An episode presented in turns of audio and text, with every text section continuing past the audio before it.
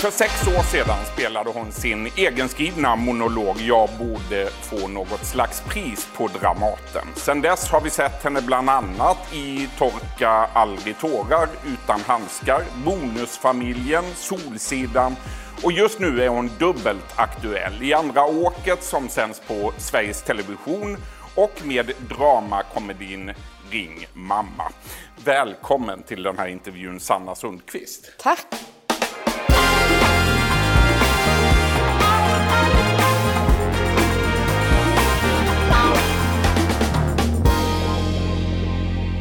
Du eh, Sanna, eh, jag har läst att du redan som fyraåring sa att du ville bli skådespelare. Vad var det som lockade då? Em, Jag, tror, jag kollade väldigt mycket på film när jag var liten. Mycket så här 80-talskomedier. Tjejen som föll över Och bordet. drömde om att få vara den som Ja, stod där. jag ville liksom, det var något med det där för att vara den som framkallar garv hos folk. Och, nej men, så, så länge, sen jag förstod att, liksom, att det där var ett jobb så har jag haft siktet inställt på det. Du satte upp föreställningar både hemma och i skolan har jag läst. Eh, Som en galen professor har du sagt. Ja, det gjorde jag. Var jag så? nej, men jag hade liksom, då hade jag någon slags enormt självförtroende på, alltså på scenen och sådär. Liksom, kunde, scenen kunde ju då vara hemma i vardagsrummet eller så.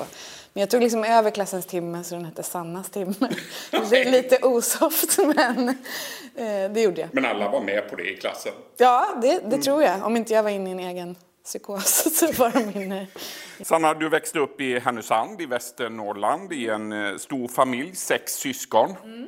Eh, vilket alltså betyder att du hade en rätt stor publik hemma också. Ja, och också som jag kunde liksom regissera dem och bestämma vad de skulle göra och så. så att, men de har fått kämpa i sig igenom en del Det var en medgörlig familj. Ja, det var det. De var tvungna. Jag var väldigt övertygande i det här. Sen gick du på Härnösands dansgymnasium och efter det Kulturamas dansutbildning och en danspedagogutbildning. Och sen sökte du till Balettakademin, men där kom du inte in. Varför blev det så mycket dans under din uppväxt? Ja, men I Härnösand så började jag i liksom en eh, dansgrupp och vi gjorde mycket egna grejer och då gled jag in på det sidospåret lite grann.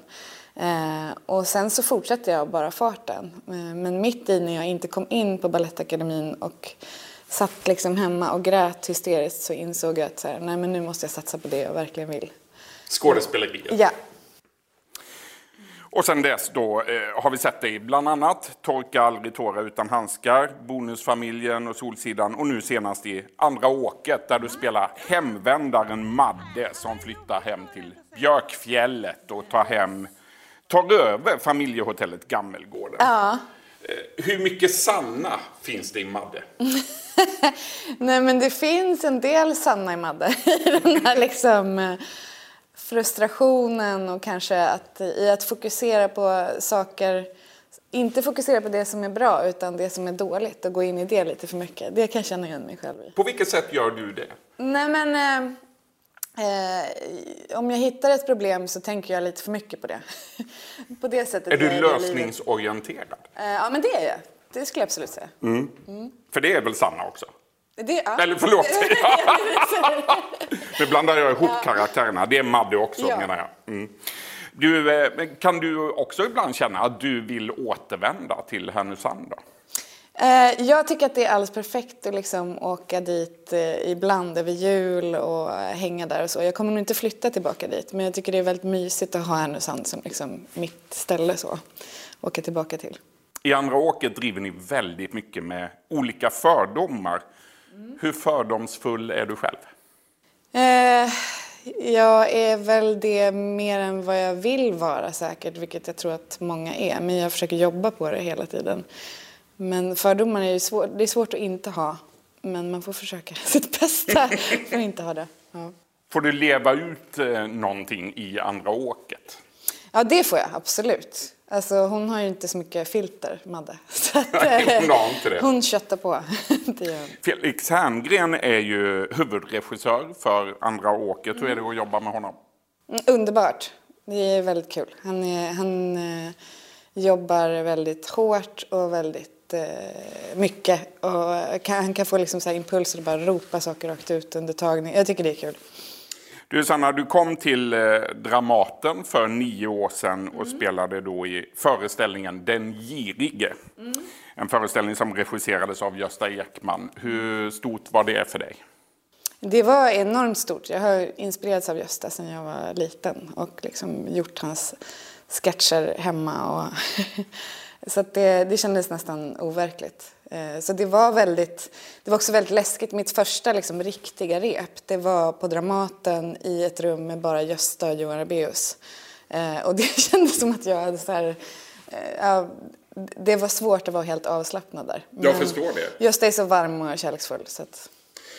Han dog för två och ett halvt år sedan, Gösta Ekman. Och du var med och hyllade honom under en minneskväll på Dramaten. Vad, vad skulle du säga, hur betydelsefull har han varit för dig? Väldigt. Han, jag kände att han, han såg mig. och liksom, att komma till Dramaten direkt efter från scenskolan är ganska, kan vara ganska läskigt. Men han var verkligen där, både han och Marie-Louise, med öppna armar. Och eh, hjälpte mig med också min egna föreställning. Och, eh, var så otroligt stöttande. Och Eh, också väldigt stöttande i att så här, jag har i min skevhet på något sätt. Att var så här, behåll det här och bara så kommer det gå bra. På vilket sätt är du skev? Eh, jag skulle säga att jag tycker om att liksom vrida till saker lite. Och sen så eh, är jag lite sådär klumpig i livet och lite skev på det sättet privat också. Det är väl bra att inte försöka vara för men det tänker jag att du har nytta av som skådespelare? Absolut. Mm. Du nämnde din egen föreställning, din monolog Jag borde få något slags pris. Den spelades på Dramaten 2013. Mm. En pjäs om den duktiga, trasiga flickan och mm. om medberoende. Och du har sagt att den här monologen bygger på egna erfarenheter. Mm. Är du den duktiga flickan? Inte så mycket längre skulle jag säga, men jag har varit det väldigt mycket och eh, brutit upp med det så mycket jag kan. Varför var det viktigt för dig att bryta upp med den duktiga flickan? Det är för att liksom eh, finnas där för mig själv mer och eh, leva istället för att leva för andra. Har vi för många duktiga flickor i Sverige idag? Jag tror att det börjar hända saker. Så att, man, när man, duktig kan man ju vara på ett bra sätt också. Eh, men det är klart att det, det är väl bra att bryta sig fri. Vad är typiskt för den duktiga flickan? Eh, det skulle jag nog säga att det är en rädsla och en oro för att göra fel. Eh, och det är jobbigt att gå runt med den här oron hela tiden. Och den oron har du känt också? Ja, absolut. Mm. Eh, du har sagt att utan humor skulle vi inte överleva. Det är mitt sätt att hantera livet. Mm. Hur mycket humor är det egentligen när du vaknar på morgonen och ska gå med, med sonen till förskolan och det regnar och är grått ute. Hur, hur, hur mycket humor är det? Det är ju väldigt, väldigt mycket humor i att ha småbarn. Alltså det är ju jätte... Alltså, jag skulle säga att livet blir ännu mer tragikomiskt när man ska få barn. Eh, så, och skulle man inte kunna liksom skratta åt när man så här, jag menar, eh, nu ska jag snart ha en bebis och man sitter hemma och så här, pumpar mjölk. och, eh, alltså det, om man inte kunde skratta åt det då skulle man ju dö. Mm. Tänka själv dö. Hur förändrades ditt liv för fyra, fem år sedan när du fick din son? Eh, ja men väldigt mycket skulle jag säga att det förändras. Eh, jag, jag tyckte att det var en ganska svår övergång att bli förälder. Jag, jag, eh, men samtidigt, att man blir väldigt mycket starkare på ett sätt. För man har någon att skydda, man är också otroligt skör. För det är liksom mitt hjärta som går runt där på förskolan och jag har liksom ingen... Har man mycket kontrollbehov så är det svårt. Nu blir men, du snart mamma för andra gången. Ja. Får det se kan hur hända det blir. när som Nej, men, Ja, det kan hända när som helst. Det kan hända nu. ja. Du, eh, hur har det varit att jobba med regissören Lisa Askan? Eh, det har varit eh, helt otroligt. Det är ett möte som har betytt väldigt mycket för mig. Eh, På vilket sätt? Ja, men hon är så inspirerande och liksom, eh, ger sitt eh, allt och har liksom, lagt ner sitt hjärta i den här filmen och då, då åker man bara med och gör det själv också.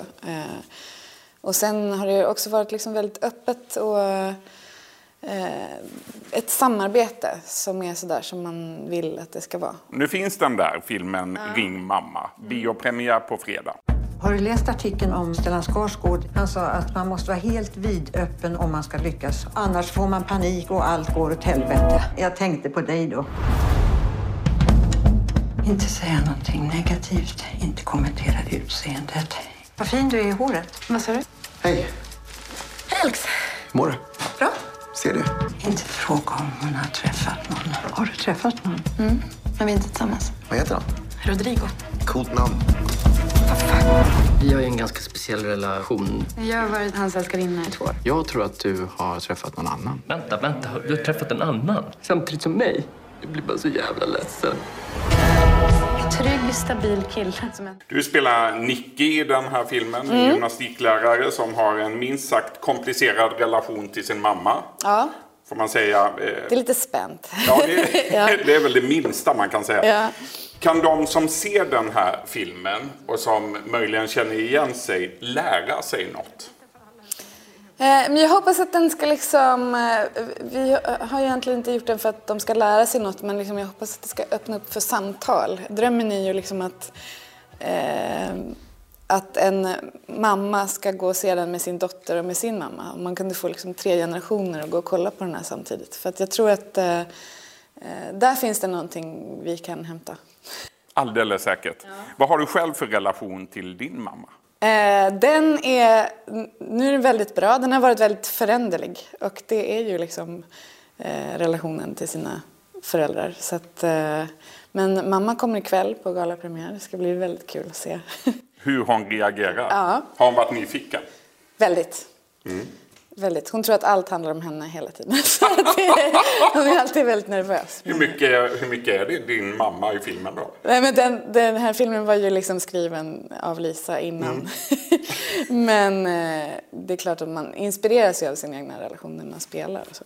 Mm, det är klart. Hur är du själv som mamma då? Eh, jag, jag är inte alls som jag trodde. Jag trodde att jag skulle vara så här hård men rättvis. nu, jag är inte orättvis, men jag är, jag är lite... Jag är väldigt snäll mamma. Du är för snäll? Ja, jag är för snäll. Det, det är jag nog. Men... Eh, Sanna, en scen i den här filmen eh, eh, som har fastnat lite, det är när du står på alla fyra. Du har också lagt ut den här bilden. Vad är det egentligen som händer? Nej men eh, det som händer är att Nicky ska gå och vaxa sig då. Eh, och hon ska delvis vaxa rumpan. Och eh, när vi spelade, när vi filmade den här scenen så var faktiskt en önskan från min sida att vi skulle vaxa på riktigt. Så det har vi gjort. Nej. jo. Eh, men då hände en liten grej också under, eh, under Vad hände? inspelningen. Eh, det är ju Evin då som smacka på det här varma vaxet. Eh, och precis i början av scenen så ska jag liksom ta av mig trosorna och klättra upp här och så ska hon på med vaxet och dra. Och så känner jag när, vi, när det är tagning, när jag tar av mig trosorna och klättrar upp att så här, någonting är fel. Men jag förstår inte vad det är. Eh, sen så drar Evin trosorna åt sidan och då inser jag att här, jag tar av mig strumporna istället för trosorna. Jag vet inte varför. Något undermedvetet. Men, och så smackar hon på vaxet och så fortsätter vi scenen och sen inser jag att nu måste vi bryta för nu kommer det synas att jag har eh, trosor på mig. Eh, så jag ställer mig upp och så börjar vi prata och gå igenom scenen och lite, lite annat. Så jag står där ett tag. Och då känner jag helt plötsligt så här hur eh, skinkorna klistras ihop. För man måste ju ta bort det här vaxet ganska snabbt. Men då hade jag liksom glömt bort att jag hade det där. Eh, Så då fick vi kalla in eh, en vaxexpert då som jobbar med det här. Som fick med ljummet vatten långsamt separera mina skinkor igen. Åh herregud. Så lite sådana där grejer hände under Oj. här. Ja. Vad, hur tänkte du egentligen där, när du själv på eget initiativ då säger att vi gör det på riktigt? Nej, men det kände jag att det, så här, det är mycket... Eh, dels är jag inte så himla rädd för smärta. Och sen så är det mycket lättare att... Det blir bättre helt enkelt. Om jag ska liksom säga en text och blir överraskad av när det gör ont så blir det tusen gånger bättre än att jag ska lägga det där. Eh, så att, Fantastisk därför- historia. Ja. Eh, Avslutningsvis då, en rekommendation till alla er som har tittat på den här intervjun. Gå och se filmen på bio på fredag. Ring mamma heter filmen. Jag har sett den, det är en fantastisk film. Stort tack för den här intervjun Sanna Sundqvist. Tack så hemskt mycket. Du har lyssnat på en podcast från Expressen. Ansvarig utgivare är Klas Granström. Poddtips från Podplay. I podden Något Kaiko garanterar östgötarna Brutti och jag, Davva, dig en stor dos skratt. Där följer jag pladask för köttätandet igen. Man är lite som en jävla vampyr. Man har fått lite blodsmak och då måste man ha mer. Udda spaningar, fängslande anekdoter och en och annan arg rant. Jag måste ha mitt kaffe på morgonen för annars är jag ingen trevlig människa. Då är du ingen trevlig människa, punkt. Något Kaiko, hör du på Podplay. Därför är gardinerna.